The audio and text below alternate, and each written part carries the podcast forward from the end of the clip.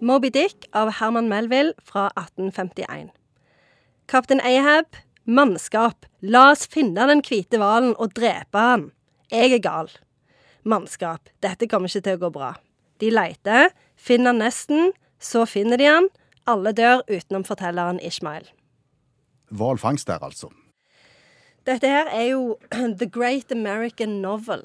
Altså det er jo en, eh, en eh, roman som på en måte eh, amerikanerne regner som den som har fortalt historien om USA. Men tilsynelatende så handler han jo om kaptein Ahab, som er besatt av den hvite hvalen og skal drepe han. Hvor er symbolikken her, liksom? For det, altså, han kapteinen han skal ut og fange da, en albino-hval, Ja. i seg sjøl litt spesielt. Det er det. Og alle syns jo denne hvalmetaforen er veldig spennende. Eh, fordi at den vet jo ikke Det er jo ingen som vet helt hva hvalen symboliserer. Den, eh, er det hvalen som er ond, og kaptein Ahab som er god, eller er det kaptein Ahab som er ond, og hvalen som er god? Så når du leser tolkninger av Moby Dick, så sier jo de fleste at den hvalen den kan symbolisere nesten hva som helst. Kommer an på øyet som ser. Så for eh, kaptein Ahab så symboliserer hvalen makt og autoritet. Og det er en slags sånn autoritet som han både føler seg kua av og vil erobre, da. Men selvsagt så går det jo galt. Ja, og, og, og sånne tolkninger som du sier der, det føler jeg meg litt provosert av. Du kan egentlig tolke det som du vil. Kan ikke noen hjelpe meg, liksom, og så si hva det egentlig handler om, for å skrive en historie som du liksom egentlig kan lage innhold av sjøl?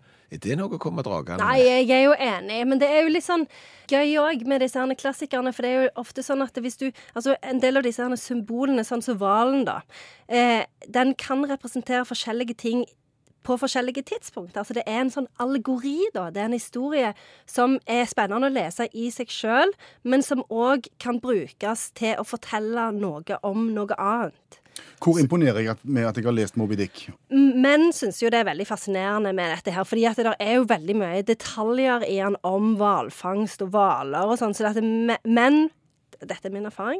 Menn føler at de får litt sånn bonusfakta fra denne romanen. Så dette, eh, jeg tenker at det, hvis du har lest den og har en del sånn valfakta å komme med, så er det folk blir imponert av det. Adli Sandefjord, for eksempel, ble imponert av hvis du har lest Moby Dick. De gjør det. Ja. Og jeg tenker òg at du kan surfe litt på dette her med den der Jon Michelet, sjøfartsromanen sjøfartsromanbølga. Ja. Den er jo veldig populær. Den liker folk. Så hvis du kan komme med Moby Dick, da, som er på en måte Spennende med Michelet, men eh, holder knapp på Moby Dick. Nemlig. Ja.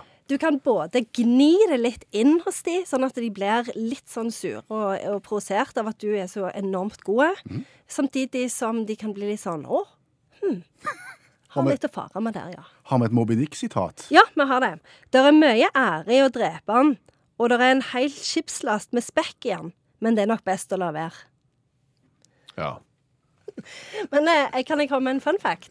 Ja. En fun fact eh, er jo at eh, eh, han ene som jobber på skuta til kaptein Ahab, han heter Starbuck. Oh. Så det er der den kaffekjeden har tatt navnet sitt fra. Nå begynte plutselig denne boka å bli kjekk. Når jeg kan si at den hvite hvalen symboliserer egentlig utviklingen av Amerika, og resultatet ble en kaffekjede. Hva sa jeg? Hva sa jeg? Sant? Den hvite hvalen symboliserer forskjellige ting for alle, og for deg kapitalismens fremvekst. Det er veldig djupt. Og nå kjente jeg plutselig at jeg savna Moby Duck i Donald. For det ble jo på et tidspunkt så ble det upopulært å skyte hval selv i tegneserier. Så Han forsvant nok sammen med Mikromidas, som hadde, som hadde sigar i barnevogn. Det ble heller ikke populært. Han hadde glemt. Takk. Janne Stigen Drangsholt, litteraturviter, forfatter, medlem av FAU og hjelpetrener i friidrett.